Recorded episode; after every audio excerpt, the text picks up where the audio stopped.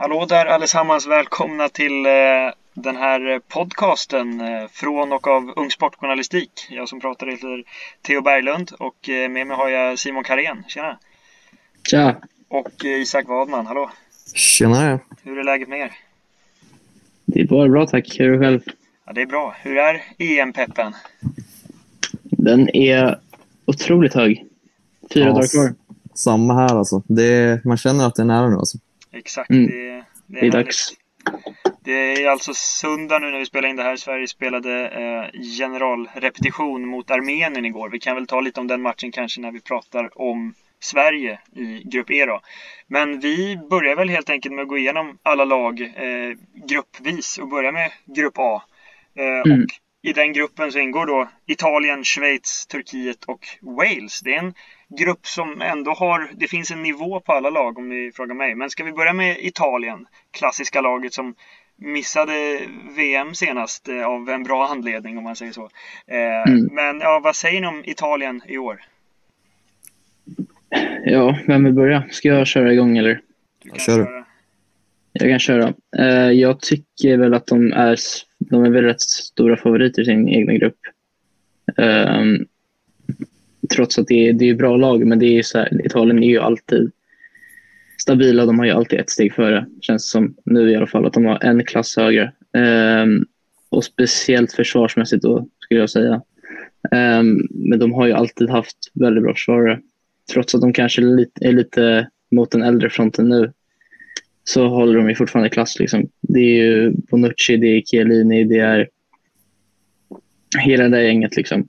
Eh, och Donnarumma i mål som då är lite yngre. Men eh, samtidigt så tycker jag ju dock att de har alltid... Jag tycker att det är problemet med Italien förra året i andra mästerskap har väl varit att de, att de inte har haft en riktig striker liksom, som kan alltid göra massa mål.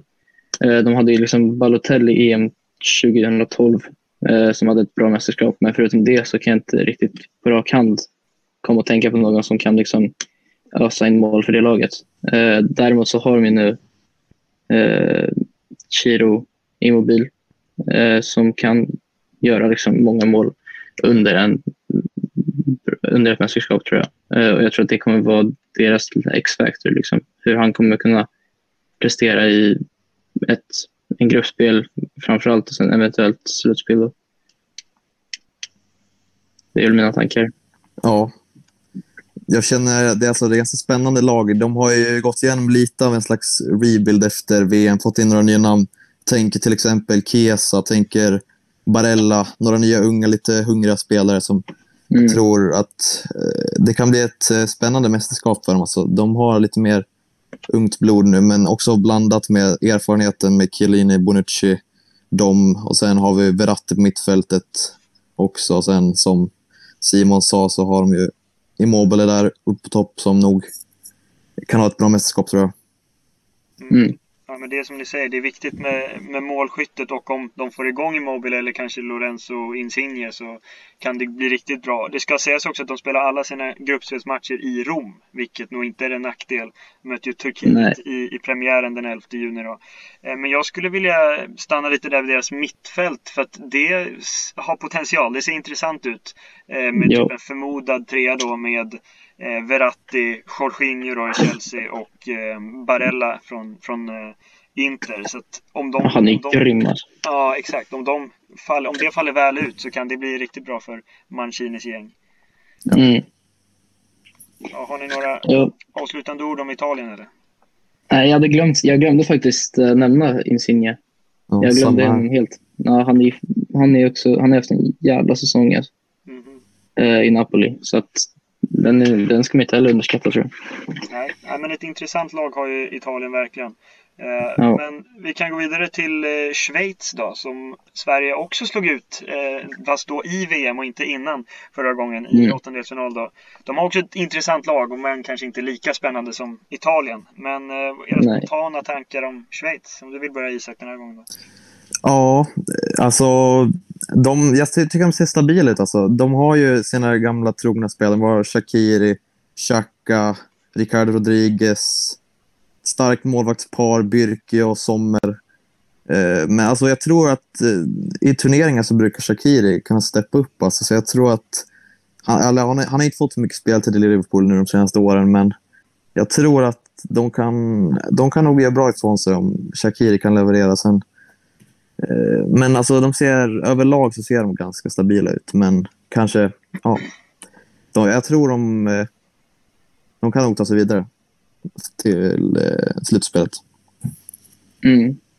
Alltså, jag håller med. Men de, alltså, de är ju alltid, det känns alltid som att Schweiz alltid är där. Liksom. De är alltid med i mästerskapet. De är alltid ett likt lag från förra mästerskapet. De har alltid alltså, en bra trupp som man kan som man alltid tror kommer komma två i sin grupp. Liksom.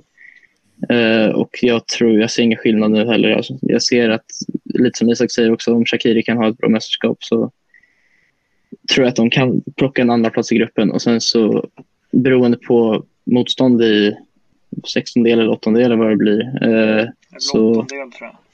Ja, åttondel. Så vet inte hur långt de tar sig. Men eh, jag vet inte. Det är, Shakiri har ju blivit någon typ av liksom, the main man i Schweiz liksom, när det kommer i alla fall offensivt. Eh, ja. Trots att han inte är lika stjärnstatus som han hade en gång. Men jag vet inte, de är, det känns bara som att de är ett lag som kommer liksom vara med i alla fall. Ja men exakt, det känns som ett lag som kommer tvåa i gruppen liksom. Eh, ja. Men, ja, men jag, jag skrev ju lite om Schweiz nu inför här för vi kommer ju, vi har publicerat några och vi kommer publicera några så genomgångar om varje grupp som vi också kan pusha lite för här. Eh, om man vill jo. läsa på sig ännu mer om, om lagen. Men det jag var, det ni är inne på också som eh, jag tyckte var, var intressant är ju att Shakiri Eh, har ju såklart väldigt hög kvalitet när han får till det, men han har inte fått spela så mycket i Liverpool den här säsongen. Du har Brel Mbolo som inte heller fått spela jättemycket i Borussia Mönchengladbach som typ anfallare. Eh, och då har Haris Seferovic som varit bra i Benfica, men det är Benfica. Så det är liksom spelare som kan vara bra i ett mästerskap, men det är, det är inte garanterad leverans. Eh, och deras liksom, lagkapten tror jag det är Granit Xhaka. Det är väl han som får bära det här. Och eh, han känns också som en humörspelare liksom. Eh, men som du nämnde också Isak, att de har ju bra målvakter och de känns just stabila liksom. Så att Schweiz ska man inte räkna bort. Nej, jag vill också ge en liten shoutout till eh, Dennis Zakaria, också i Mönchengladbach. Han, är, han är ju väldigt, väldigt duktig. Alltså. Han är ju lite av en, liksom, en Didi liksom, som kommer stångas där i mitten. Ja, exakt. Eh, så jag tror han bredvid Xhaka kan nog bli rätt fint ändå. Ja, Nej, Om de inte väljer att spela på, ja, de kan ju välja att spela på mittback också, men det tror jag inte. Ja, nej, men vi, vi höjer ett varnande finger för Schweiz ändå. De, man får inte ja. underskatta dem. Eh, men ett lag som kanske är lite mer hypat ändå är ju Turkiet som Italien möter i, i premiärmatchen då. Eh, med många unga intressanta spelare. Eh, även till exempel Hakan Calhanoglu som kanske inte är jätteung längre men ändå väldigt bra i Milan den här säsongen. Vad säger vi mm. om turkarna? Vad säger vi om turkarna? Ja. Eh, jo, de, alltså, jag, har inte, jag har inte kollat så jättemycket på deras trupp just nu, men eh, jag vet ju att alltså, direkt när jag tänker på Turkiet så tänker jag på vilken jävla säsong Burak Yilmaz haft i Lille. Mm. Eh, och hjälpte dem och nästan bärde det laget till att vinna liga eh, tillsammans med några andra. Då. Men eh, jag tycker verkligen att han har varit helt stört bra. Och han har ju alltid haft en liksom bra kvalitet i, när han spelade innan i Galatasaray och sånt där. Men eh, jag tror också jag tror att han alltså om de spelar honom i rätt taktik och i rätt formation och i, så som han vill det så tror jag han kan vara en jäkligt bra anfallare för dem. Eh, sen så tycker jag också att de har bra, en bra backlås liksom, eh, med Sionko från Leicester, eh, Demiral från Juventus Um, så de, de är ju intressanta. Alltså det är som man vet ju inte riktigt hur de kommer spela. Man vet inte hur de kommer. Man har inte så bra koll på Turkiet som landslag. Man har mer koll på Turkiet som Turkiet spelare i klubblagen. Liksom. Um, så det blir intressant att se hur de kommer ställa upp och hur de kommer spela. Liksom. Ja, jag känner samma sak som Simon där i Yilmaz. Alltså, otrolig säsong och sen med Chalanoglu, eh, Demiral, Soyuncu. Alltså det är ju... De kanske har några mer, liksom, alltså deras väldigt formstarka spelare de har haft den här säsongen så att eh, de kanske liksom kan få, få med sig den formen och liksom få in den i EM-truppen så att de kan bli... Alltså jag är lite kluven. Alltså det kan bli så att Turkiet kommer två i den gruppen, men jag är inte säker. Alltså. Men som sagt, som Simon också sa, att eh, man vet inte riktigt hur man kommer prestera som landslag. Men de har ju helt klart bra spelare. Ja, det, det, är en liten mm. dark horse eh, känns det som. Och om de spelar, nu vet jag inte om de spelar trebackslinje eller fyrbackslinje eller hur de ställer upp. Men om de kör treback kan de inte få in eh, Ozan Kabak också från Liverpool där? Jo, jag, jag tänkte på honom också. Upp och ner, ja. ja. ja men de, defensivt framförallt har de väl bra unga spelare. Eh, som vi har nämnt. Ja. Men ja, eh, Turkiet alltså. Eh, vi tar väl eh, sista laget i gruppen då, Wales, som har en ganska så orutinerad förbundskapten som jag kollade upp lite, för han tog över mm. typ i, eh, vid årsskiftet i år efter att Ryan Giggs då blivit anklagad för misshandel mot kvinnor.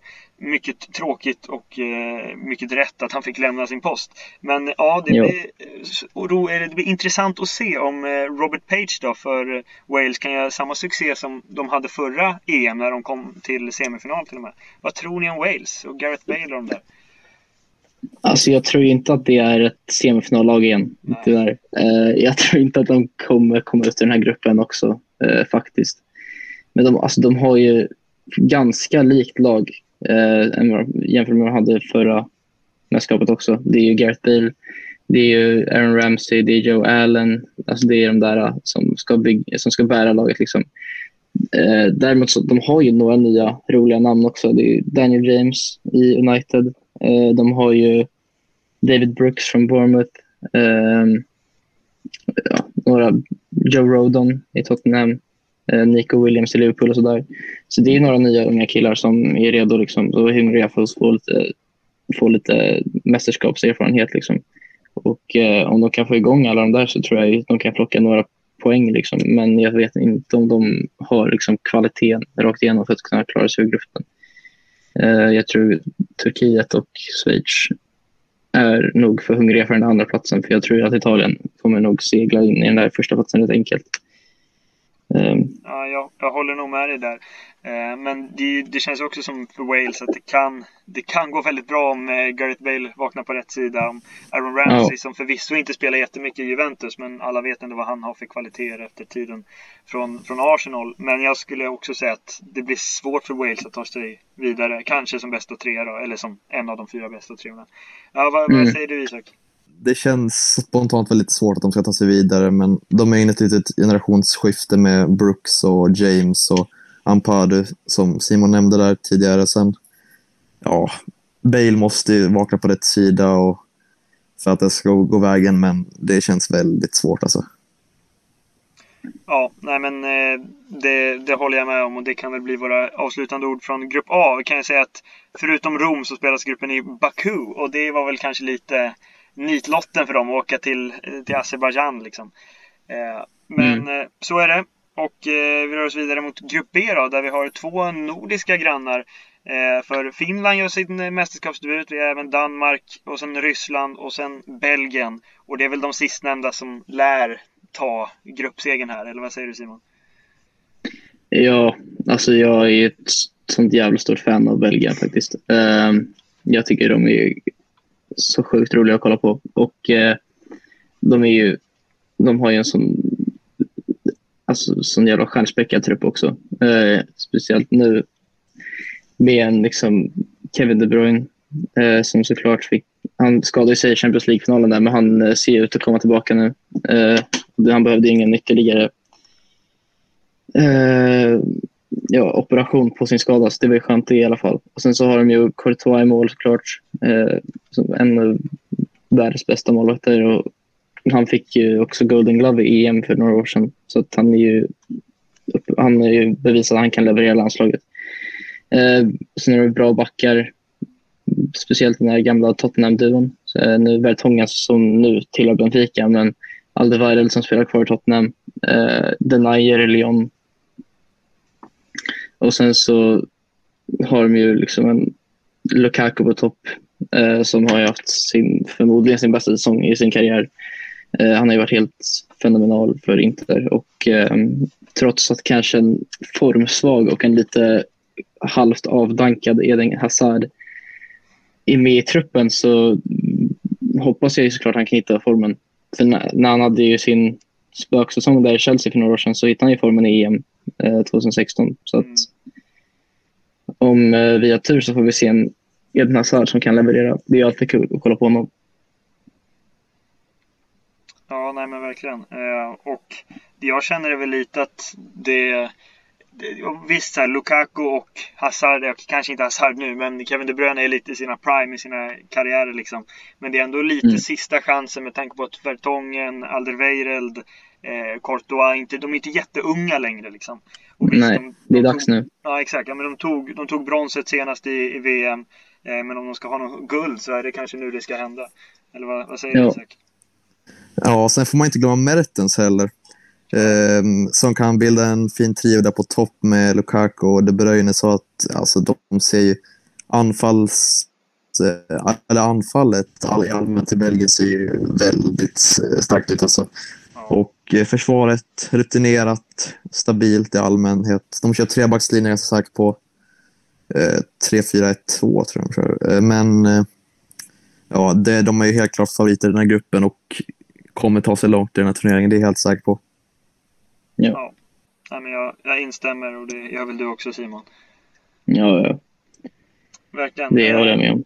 Men eh, Belgien då spelar i sin premiär eh, den 12 juni mot eh, Ryssland i Sankt Petersburg. Så det är ändå en fördel för, eh, för Ryssland. Så vad, vad säger vi om mm. de som hade hemmaplan 2018? De får det nu igen i gruppspelet i alla fall med Stanislav Cherchesov som förbundskapten och Artem Shuba på topp. Vad har ni för tankar om Ryssland?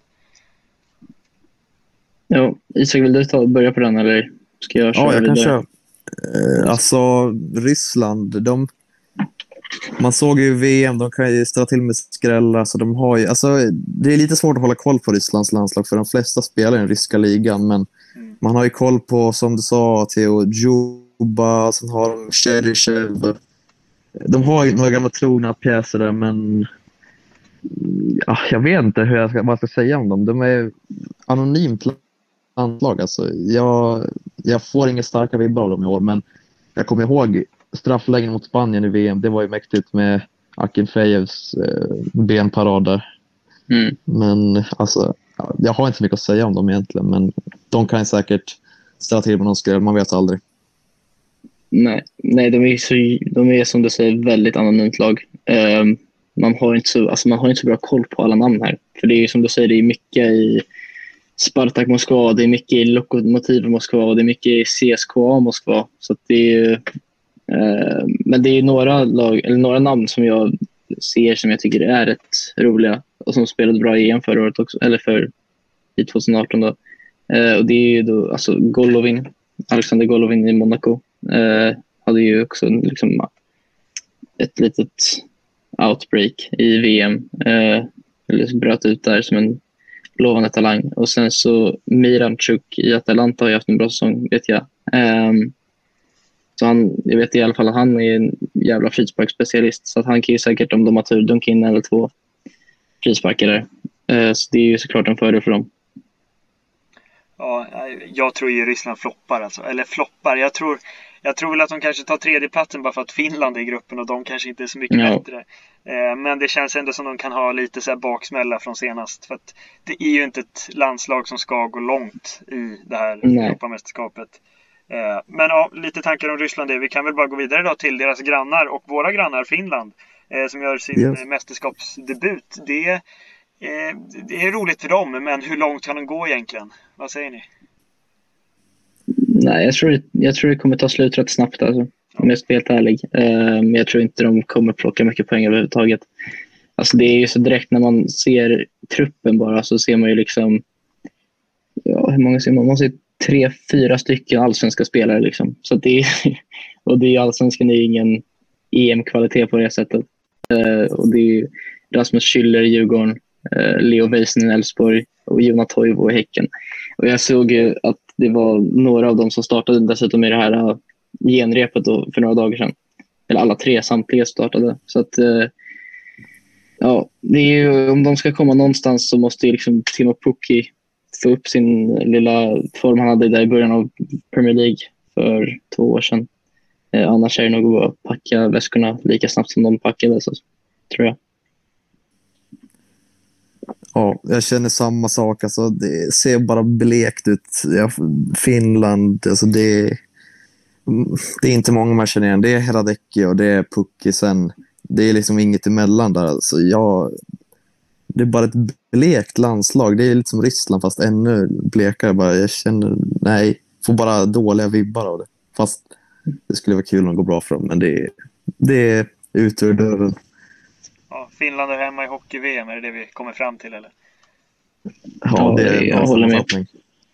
Ja, nej, men vi får inte stanna för länge hos eh, våra grannar. Men känslan är att ja, kanske att de kan ta tredjeplatsen, men de går ju inte till kvartsfinal direkt i så fall. Eh, nej. Men sist ut i gruppen har vi också ett grannland, men de kan ändå gå betydligt längre skulle jag säga. För Danmark har en ganska så stark trupp. Vad säger ni? Det har de. Alltså det är ju, det är ju verkligen helt sjukt att de har skaffat sån här liksom stjärnspäckad trupp på liksom några år bara. För de har ju alltid varit helt okej, okay, men nu så är de ju ändå liksom nästan som en liten favorittippad dark horse. Liksom. Uh, och de har ju liksom bra spelare på alla positioner. Uh, liksom Kasper Schmeichel, Leicester i mål. Den är ju klockren redan där. Sen så har de ju Simon Kjär i Milan haft en bra säsong. De har Andreas Christiansen i Chelsea haft en bra säsong. Daniel Vassi i Valencia haft en bra säsong. Uh, Jannik Westergaard i Southampton har haft en bra säsong och det är bara försvararna. Liksom. Uh, I mittfältet har de ju liksom Höjbjerg i Tottenham som också har imponerat jättemycket. De har Delaney i, nej, i Dortmund som också har varit alltså, stabil som vanligt. Eh, lite kul att se Anders, Anders eh, Christiansen från Malmö. Men eh, sen har de ju sin Christian Eriksen som de får hoppas få ut mycket ur eh, såklart. Även fast han kanske inte är liksom at the peak of his powers så är han ju fortfarande en kvalitet. Liksom. Han, han har ju erfarenhet och han är bra att ha i omklädningsrummet. Liksom. Eh, om det är någonting så är det väl anfallet. Liksom. Eh, Braithwaite till Barcelona och det är Josef Paulsen i Leipzig och Dolberg i Nice. Och det, det är bra spelare, men jag vet inte om det är, det är kanske den fronten som jag vet inte, som är lite efter de andra positionerna. Liksom. Ja, eh, jag känner, alltså det är lite som Schweiz, det är stabilt överlag, alltså över hela planen. Som Simon nämner ju, det är stabilt försvaret, det är stabilt på mittfältet. Sen är det där anfallet.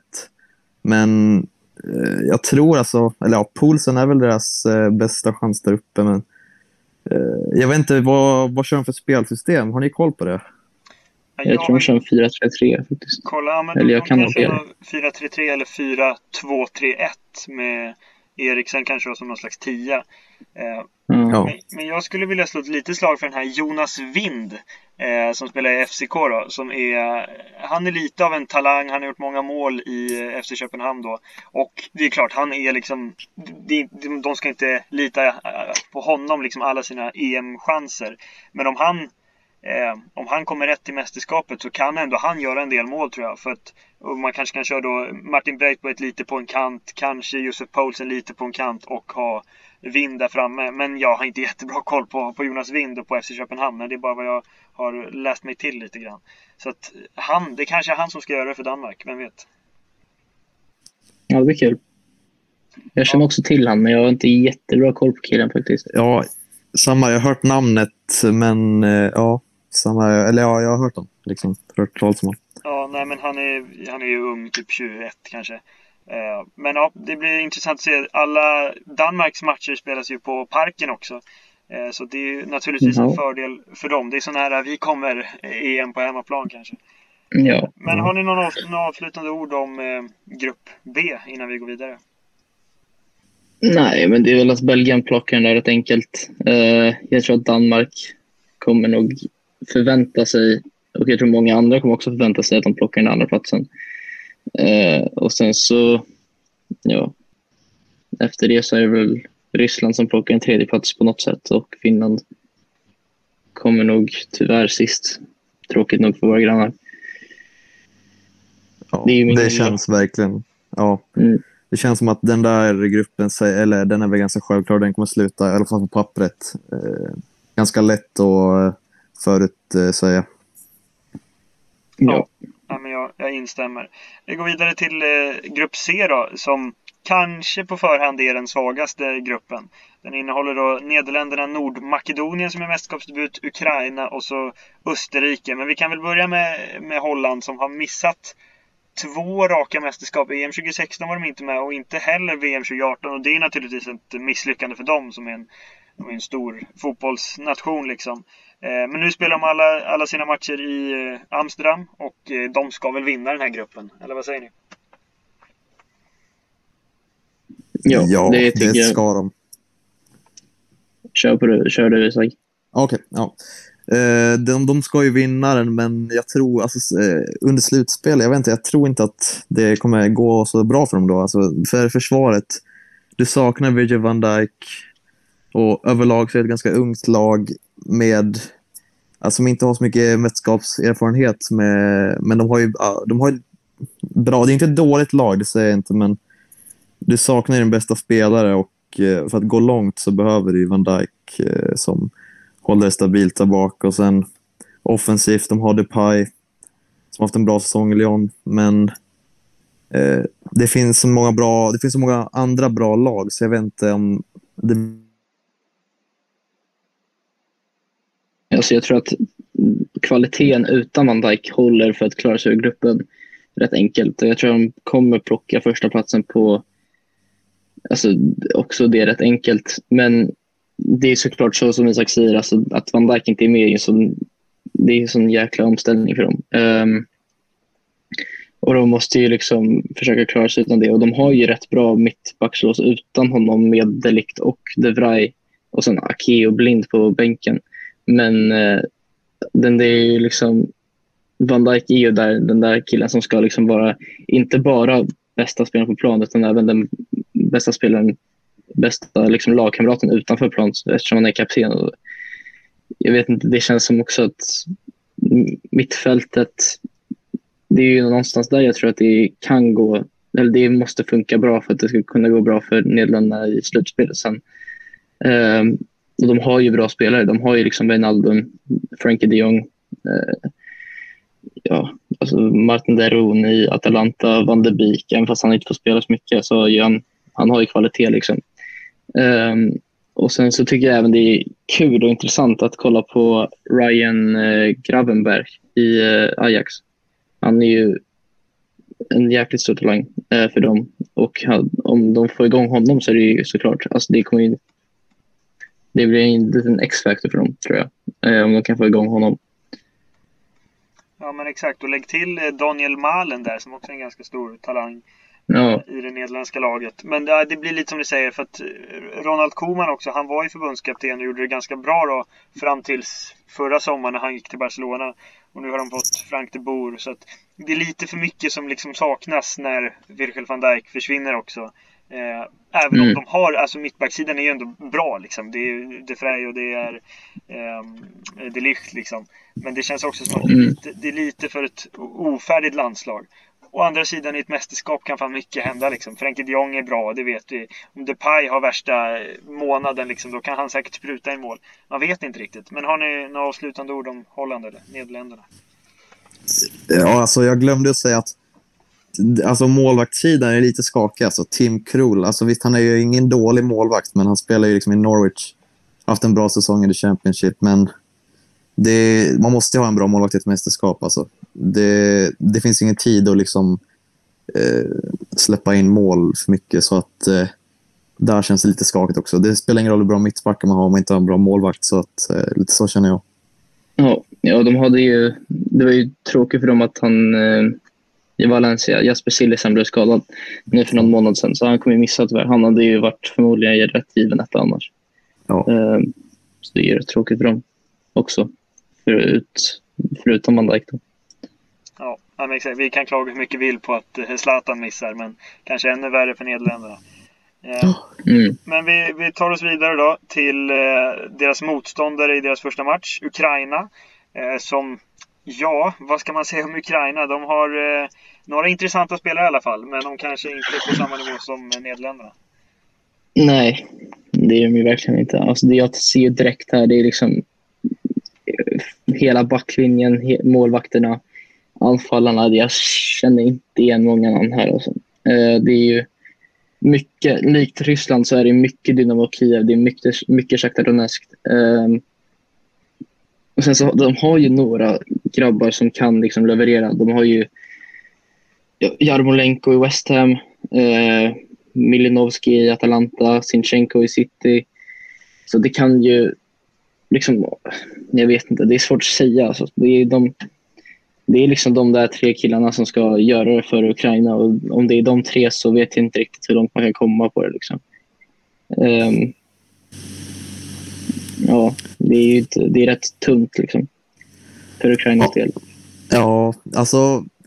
Jag vill att det ska gå bra för Ukraina. Alltså, jag känner bara att eh, det finns något... Alltså, jag gillar några spelare, alltså, som du nämnde, Ba- Malinovski, alltså, han har ett jävla skott. Alltså, det, man har sett i Atalanta och sen Sinchenko där. Sen har de Jaremchuk, tror jag han heter, på, på, som nummer nio. Jag tror jag har varit ganska stabil den här säsongen.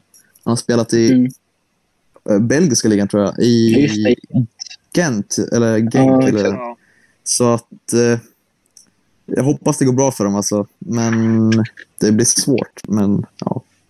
Mm. Ja, Men jag, jag är lite med i dig Isak. Jag, jag håller också någon, någon extra tumme för, för Ukraina. Jag har någon känsla, men det, de lär ju ändå ta sig vidare från gruppen om det blir som tvåa eller trea. Eh, och sen får vi ju se vad de får för motståndare naturligtvis. Eh, Mm. men ja, nej, Ukraina.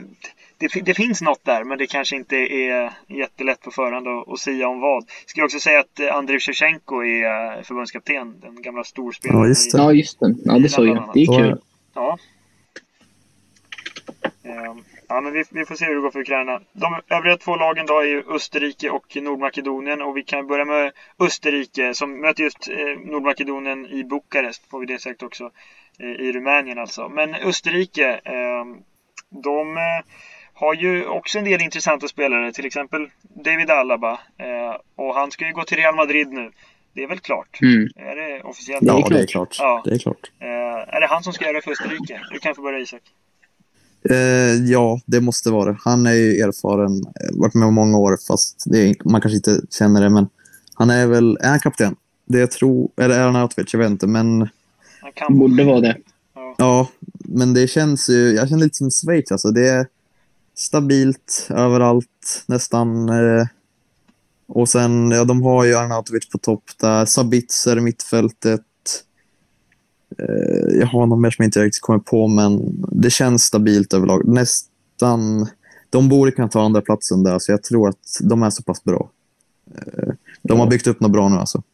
Ja, jo, alltså det känns väldigt stabilt. Alltså det är mycket, mycket, mycket Bundesliga här. Liksom. Ja. Det är nästan hela Bundesliga, eller nej, bara Bundesliga i hela truppen. Liksom. Ehm, och det är ju det är ju liksom mycket... Jag tror att mycket kommer stå på Marcel Sabitzer. Alltså. För han är ju, Ja. han är ju jävligt duktig. Eh, och han, gör, han, är, han vet, han har öga för mål. Liksom. Eh, så jag tror att för Alaba och Liner och Hintregger i backlinjen kommer vara rätt bra tillsammans. Så jag tror att de kommer kunna hålla några nollor och tillräckligt många för att de ska kunna klippa en andra plats i gruppen. Sen så tror jag bara att det är upp till Arnautovic och det är upp till Sabitzer och eh, ja, möjligtvis Konrad Laimer att göra några mål. Liksom. Ehm, så att jag tror att det är mycket där. Alltså. För mycket, för mycket press på Sabitzer just nu. Ja. Men han är väl lagkapten i Leipzig? Är han det i Österrike Mm. också kanske då? Eller? Ja, kanske. Han kanske bara flyttar direkt, liksom. kaptensbindeln. Ja. Liksom, han sover med, med kaptensbindeln. Nej, men ehm, just Arnautovic är intressant. För han är ju en karaktär om man säger så. Han kan ju verkligen Jo. eh, få till det. Men är han i Kina nu för tiden? Han, eh, Ja, Shanghai Ja, tror jag. det- ja, okej, ja. Ja, det, man vet ju inte vad man får då liksom. Nej, Eh, nej. Kommer med någon ny frisyr till mästerskapet liksom. Eh, men Mm. eh, det, kan ju ändå, det kan ju ändå falla väldigt väl ut om så vill. Ehm, Jo. Men ja, har ni det. några några avslutande ord om Österrike? Eh, Jag tänker på Arnautovic. Hur, är det med, hur var det med säsongen i Kina? Hade de, hur gick det med det? Alltså, kändes väldigt eh, oklart vad som egentligen pågick där. Ja, men jag kollar Ja. upp nu, eh, för det är lite samma med Danielsson i, i Sverige. Eh, Ja. För han, jag kollade upp, de har ju, det har ju varit mycket konstigt med kinesiska ligan, men jag kunde se att typ alla lag har spelat fem matcher hittills nu innan uppehållet. Så det har väl varit Ja, lite matcher i alla fall, men jag, jag vet inte riktigt. Ja. ja det var ingen vila i alla därför fall. Hamsik gick till Göteborg också. Ja, exakt. Få förbereda sig. Men Mm. ja, det gäller ju att ha en viss eh, matchskärpa för att kunna leverera. Och nu är det på så kort tid också, så nu måste man bygga upp det snabbt alltså. Mm. Mm. Yes. Eh, vi tar sista laget i gruppen då. Det är Nordmakedonien som också gör eh, debut i, EM här. Eh, och de ska väl komma sist i gruppen. Men som sagt, det är inte, det är inte den svåraste gruppen kanske. Så kan de skrälla, eller vad, vad säger ni? Nej, det ser, det ser jäkligt mörkt ut för Nordmakedonien. Alltså. Det, är, det är inte mycket att jobba med. Alltså. Det är, tro, alltså det är, jag kommer inte ihåg deras förbundskapten men han måste ju sitta och klia sig i skallen nu. Liksom, för att, Ja. Nej, det är liksom väldigt få namn man känner igen. Det är liksom Alioski i Leeds. Det är Pandev i Genoa. eh, det är typ Enis Bardi i Levante. eh, som jag känner igen då. Eh, och sen så är det ju liksom Pandev som är någon liksom, hur gammal är han nu? 35 säkert liksom. Som ska liksom försöka bära det säkert. där laget. Ja, och han ska försöka bära det där laget med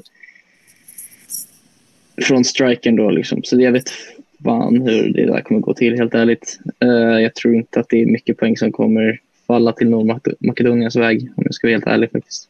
Nej, Jag, jag kan nämna här att förbundskapten heter Igor Angelovski. Eh, och så Mm. mycket mer om honom än hans namn vet jag inte. Nej, Samma här alltså. ja, samma här. Men vad säger du? Ja, jag känner samma sak. Men jag såg något häromdagen. De har ju någon, heter han något Iljaf Elmas eller något? De Ja, spelar i Napoli, ja. Napoli. Ja, exakt. Mm. Jo, Någon ung liten, jag tror han är offensiv mittfältare. Eh, Så han och Pandev kanske kan göra en dynamisk duo. Jag vet inte, men Mm. svårt blir det ju. Svårt blir det. Ja, Ja. verkligen. Eh, Men eh, vi får se helt enkelt hur det går för Nordmakedonien, om de ens kan göra något mål i, i sin debut här. Eh, men ja, vi lämnar väl grupp C med det och eh, går vidare till en eh, annan intressant grupp, nämligen grupp D. eh, Med en av eh, de stora favoriterna i turneringen, England, eh, och också VM-finalisten från senast, Kroatien. Skottland som är tillbaka efter många missade mästerskap och så Tjeckien. Men vi börjar med, med den stora favoriten då. Three Lions, England, spelar mestadels på hemmaplan.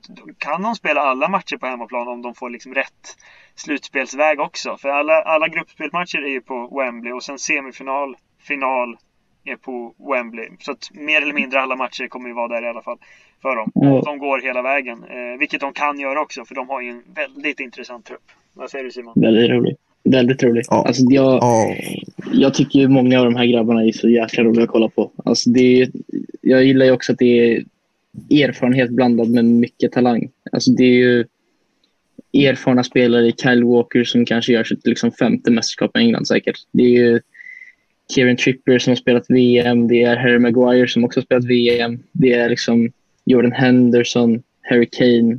Men sen så är det ju också liksom unga roliga grabbar. Det är ju Jude Bellingham som glider in och direkt plockar nummer åtta. Det är Phil Foden som jag tycker är liksom helt... Jag, jag får ju liksom Messi-vibes av att kolla på honom. Eh, det är ju inte Messi-nivå, men han är ju rolig. Liksom. Eh, och sen så är det Bukayo Saka i Arsenal, det är Jadon Sancho. Det är, ja, det är ett sånt... Det är ett väldigt intressant lag. Väldigt, väldigt intressant lag. Och jag tror att de kan... De kan om de får till det här rätt liksom, med kemin och spel, eller spel, eh, speltaktik och uppställningar och sånt där så tror jag att de, ja, de, kan, nog plocka, de kan nog gå till en minst semifinal då. tror jag verkligen. Ja, jag håller med Simon där. Alltså det är otroligt många roliga spelare. Nu eh, lite mer, lite generationsskifte ändå Mm. har vi väl sett nu då, med unga spelare och hoppas verkligen att Bellingham och Foden de får visa upp sig under det här mästerskapet. Det kommer bli väldigt kul att titta på dem. Alltså. Eh, men sen är det lite tveksamt. Maguire, hur blir det med han? Har, kommer han, har han hunnit återhämta sig e- egentligen? Så, och sen målvaktsplatsen. Eh, Pickford var inte så dålig i VM, men eh, ja, det är alltid ett frågetecken om den här målvaktsplatsen nu på senare år. Men ja, det ser ju faktiskt otroligt bra ut i offensiven i alla fall, får man ju säga. Harry Kane, alltså vilken säsong han haft. Men ja, det kommer bli otroligt att kolla på dem i alla fall. Ja, verkligen. Alltså det, det är ju försvaret som kan vara lite frågetecken. De har ju typ hundra olika högerbackar, även om eh, Alexander Arnold Ja, eh, gick sönder här nu. Men eh, och Wan Bissaka är inte ens med liksom. nej, exakt. Det, är- Ja, det säger en hel del. helt otroligt. Eh, Men de, de är ju unga också som ni säger. Alltså, jag kollade upp nu, det är ingen spelare som är född på 80-talet eller tidigare då liksom i truppen. Eh, Mm. Och det är 03 med liksom. Det är, det är väldigt eh, imponerande vilken generation de liksom har fått fram. Och det är inte heller självklart hur de ska formera den där offensiven. Jag tänker, du har, du har liksom Jadon Sancho och eh, ja, men, Raheem Sterling som kanske inte spelar eh, för att han inte har varit jättebra. Phil Foden, ja men det finns jättemånga som ni har nämnt tidigare. Liksom. Det är väl mest Harry Kane som är liksom given som nia. Men Ja. utöver det, har ni några, hur, hur vill ni att Gareth Southgate ska ställa upp det här laget?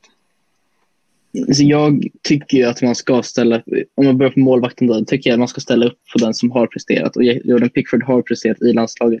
Så jag tycker att man ska spela honom från start i alla fall tills han eventuellt ger bort sig. Då kanske man ger platsen, i alla fall chansen till Dean Henderson. Eh, Jag har svårt att se Sam Johnston som plockar en startplats där. Liksom. Men sen så tycker jag att de spelar mycket femback. Liksom. Mm. Eh, och jag ser John Stones som har haft en sån jäkla bra säsong. Jag tror han kommer stå där i mitten, liksom, vara rätt säker tillsammans med Maguire om han är tillbaka då eh, och redo att slåss. Liksom. Men eh, sen så ser jag ju den här högerbacken som du säger, den är ju så jäkla svår att förutsäga, förutsäga nu. Men eh, jag skulle väl gissa på en Trippier. Eh, för Southgate gillar ju honom väldigt mycket, vad jag vet. Och sen så blir det nog Luke Shaw på vänsterback. Ehm, men det är ju mittfält jag har lite svårt för. Eller mittfält och anfall som är lite svårare tycker jag. Jag tror att han kommer ju vilja spela Henderson i alla fall. Eh, och sen så tror jag nog att baserat bara på försäsong eller på träningsmatcherna så tror jag att Mason Mount förmodligen startar eh, tillsammans med antingen Jude Bellingham eller om de slänger ner Phil Foden på mitt, mitt där. För de har ju spelat mycket Foden på kant eh, på vänsterytter. Men då är det liksom ska man lämna Rashford och Sterling och Jack Grealish på bänken? Liksom? Det blir lite konstigt där också.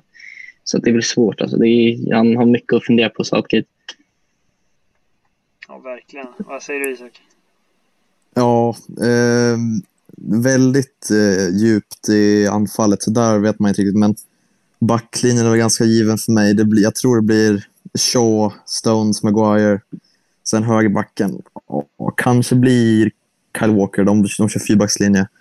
Mm. Sen eh, Rice tycker jag borde vara given på mittfältet. Sen ja, Mm. Ja, Henderson, just ledare. Ehm, sen alltså anfallet, det är så mycket alternativ så jag, det, det går knappt att tänka på. Liksom. Så man kan egentligen göra vad som helst där och det blir bra. Så att, eh, men Kane är som sagt given där. Sancho borde få spela också. Och Foden i den formen är nu. Ja. Och sen det är liksom svårt att tänka sig Sterling på bänken, men han har inte varit bra riktigt. Nej. Eller, så, men det är svårt det anfallet. alla fall. Ja. Men kan han peta Mason Mount då med tanke på hur bra han har varit i Champions League-vinnande Chelsea? Liksom? Jag tänkte Ja. inte på Mount alltså. Nej. Nej, de Ja, kommer inte utnyttja sina alltså. byten eller? Det låter som... ja. ja, är det fem byten nu? Ja, jo men det, det är det. Det har jag kollat Ja. upp. Och om man går till förlängning då så är det ett sjätte byte till och med. Jaha, ja men då så. det Då får väl alla lite speltid i alla fall. Ja, exakt. Ja, men jag, jag vet inte, när ska de ta bort det här ens? Är det liksom till nästa säsong? För Premier League kör Nej, de det är, bara tre, men de... eh, eh, ja, det är många som har liksom fem byten vid tre tillfällen. Typ. Exakt. Ja, så om det är så i EM också så... jag vet inte. Jag gillar ju det konceptet lite mer än att det ska vara för det blir så jävla mycket spelarbrott annars tycker jag. Ja, exakt. Ja. Det, Ja, vi, vi får se med det helt enkelt. Men eh, den stora matchen ändå, även om Kroatien är VM-finalister, vi kommer till dem senare. Men den stora matchen i gruppen är ju ändå England-Skottland på Wembley. Lite av ett Ja. hatmöte. Eh, och det är klart, vi har nu suttit och pratat om England och hur bra de är, men Skottland kommer nog ge allt i den matchen verkligen. Vad, vad säger vi om Skottland? De, är ju, alltså, de har inte så dålig trupp egentligen. Alltså, de, man, när man tänker på Skottland som ett landslag så tänker man inte att det är några bra spelare. Att det, det kommer inte gå så jävla bra för dem. Men det är ju inte en dålig trupp alltså, överhuvudtaget. Det är ju Andy Robertson i Liverpool, det är Kieran Tierney i Arsenal. Det är bara två stycken vänsterbackar där som de kan jobba med. Liksom. Eh, de har Billy Gilmore i Chelsea, han är rolig. Kolla på liksom. De har McTominay i United, John McGinn i Aston Villa. Shay Adams har gjort en liten eh, national, nationalitetsbyte där från England till eh, Skottland. Eh, han är en bra säsong. Sen är det ju Ryan Fraser i Newcastle. Det är, ja, jag vet inte, det är, jag tror de är intressanta. Alltså. Jag tror de kan skrälla i alla fall i någon match. Liksom, mot antingen England eller Kroatien eller i alla fall ta en pinne där. Liksom, tror jag. Ja, eh, jag skrev ju lite om Skottland i min gruppgenomgång av Grupp D och jag tror alltså, jag tror ändå på dem, i alla fall i försvarssynpunkten, för där ser man ju, jag är ganska säker på att de kör fembackslinje då och så kör de Tierney på mittback då och han har ju spelat där i Arsenal och han har ju funkat liksom och jag tror ändå på, de känns starka i försvaret. Shea som blir spännande. Han hade ju en period där i Premier League där han var väldigt bra eh, med SA-15 när de gick bra. Då, men sen eh, blev det väl inget vidare sen på slutet. Men eh, de, de kan nog vara ett litet wildcard alltså, men Kroatien blir svåra att klå. Liksom. Men ja, Eh, ja, de men- ser, ja. Ja men exakt. Eh, och det är ändå lite så här otur att de, deras typ två bästa spelare, Kieran Tierney och Andrew Robertson, är på typ samma position liksom. Eh, men man ska ändå eh, liksom vara, vara beredda på, på eh, Skottland. Eh, ja men Skottland, eh, de bör man se upp för. Men eh, de som ändå bör ta andra platsen då i gruppen är ju Kroatien. Eh, VM-finalister senast. Laget har inte blivit yngre, men Luka Modric och company, det, det är mycket kvalitet i det här laget. Eh, ja, Kroatien, de, de kommer väl tvåa. Jag tror de kommer tvåa. Det borde de göra. Alltså det är ju, de har ju tappat lite folk. Eh, då tänk, alltså rent åldersmässigt. Eh, Subasic, målvakten, han är inte längre kvar. De kör ju med en kille från Zagreb nu. Eh, Dominik Livakovic. Liksom. Eh, så jag vet inte riktigt vad man ska förvänta sig där. Men eh, förutom det så alltså det är ju samma gamla Kroatien som alltid kommer prestera. Liksom. Det är ju Sime Versalco i Atletico Madrid. De har eh, Damagoj Vida i Besiktas. Dejan Lovren brukar spela bra i mästerskap. Um, och sen så mittfältet är ju liksom stjärnspäckat som vanligt. Det är Kovacic, det är Modric, det är Brozovic, det är många Itch, men det är Vlasic också. Liksom. Uh, Perisic. Uh, och uh, någon som jag tycker är intressant, som man kommer, jag kommer i alla fall kolla lite närmare på, det är ju Mislav Orsic i Dinamo Zagreb. Eh, jag tycker han är väldigt rolig att kolla på. Han sänkte ju liksom hela Tottenham själv i Europa League. Eh, sl- slutspelet där. Eh, så att jag vet inte. Ante Rebic för striker med eh, Kramaric tillsammans i Hoffenheim där. Eh, jag tror att de, kan, de kommer ju säkert komma tvåa eh, bakåt, bakom England. Jag tror till och med de kommer kunna slåss om första platsen men jag tror inte det kommer riktigt hålla. Eh, men jag tror att i en, i en, en kvartsfinal kanske tror jag att Kroatien kan landa och vara nöjda med det. Liksom. Ja, jag känner som att de har ju stark stomme där som du nämnde och sen har vi några som kommer upp där, Orsic och Vlasic som jag också eh, tycker kommer bli spännande att kolla på nu i EM. Så får vi se om de tar flyttlasset till de större ligorna sen då, men eh, ja, stark stomme, bra anfall, otroligt bra mittfält, försvaret, ja, det ska funka. De har ju också eh, en liten Uh, ung uh, mittback där, Duje Kaleta Char, eller hur man ska uttala det då, Ja. i Marseille. eh, som kanske blir en liten eh, ersättare. Eller jag vet inte om han kanske får spela före Lovren eller Vida, men ja, stabilt överlag. Ganska mycket stjärnspäckat ändå, ska jag säga. Ja, men jag, jag håller med er, men jag är ändå lite rädd för att Kroatien kanske lite som Ryssland då får en liten liksom en baksmälla sen VM. Alltså visst, Luka Modric är jättebra, men han är ändå en 35 nu liksom. Eh, och Mandzukic har lämnat, eh, målvakten Subasic har lämnat eh, och det, det sprakar inte om laget på samma sätt som det gjorde för tre år sedan. Eh, och även om man, man gillar ju liksom eh, Domagoj Vida och Dejan Lovren som mittbackar så kan det ju, det finns ju misstag i dem liksom. Eh, men ja, de bör ju ändå ta sig vidare från gruppen, det, det är inget snack. Eh, men jag tror, jag tror ändå inte på Kroatien. Men det är också bara en känsla jag har. Men eh, vi tar det sista laget då och det är eh, Tjeckien. Och de är ju, de, det är mycket Sparta, Prag, eller vad är det? Sparta Prag och West Ham i, i Tjeckien. Vad säger vi om dem? Ja. Eh, det är mycket ja. West Ham. Ska jag ta den eller? Ja, kör Isak. Eh, ja, Kofall och Susek, båda breakout seasons här eh, i West Ham. Eh, och sen är det mycket spelare från tjeckiska ligan. Sen har de ju Vydra på topp. Hade väl en liten bra stint under Premier League-säsongen, men inget större. Det var väl mest Chris Wood som eh, var ett litet utropstecken där i Burnley. Men ja, det, de har ju sina eller, stjärnor om man får kalla dem det, men eh, det är ju inget, det är ingen stark stomme egentligen. Det är Sosek som kanske kan få något mål med sig, men det ska, det ska mycket till alltså, om de ska ta sig vidare. Mm. Ja, men jag håller med. Alltså Zuzek och Kofall och det är ju liksom vad är det med Patrik Schick i Leverkusen. Just det är inte mycket att jobba med. Alltså det är ju såklart no, alltså det är kvalitet. Det är kvalitetsspelare som kan passa in i många landslag, men det är inte kvalitetsspelare som kommer leda ett lag till ett, en eventuell kvartsfinal eller semifinal. Liksom. Eh, de har ju bra målvakter däremot. Eh, just både Thomas Vaclik, Vaclik i Sevilla och Jiri Pavlenka i Werder Bremen. Men det är samtidigt bara en av dem kan spela. Liksom. Eh, så att, nej, jag vet inte. Jag håller med er.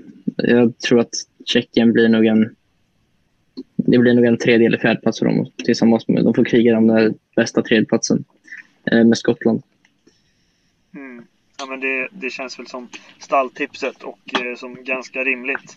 Men ja, eh, vi avslutar väl den första delen av den här eh, genomgången av, av grupperna här. Jag ska säga också att den eh, Grupp D spelas ju då i London men också i Glasgow, eh, Hampton Park. Så det är ju bra för Skottland. Eh, det är kul. Det, ja men exakt, det är den brittiska gruppen om man säger så.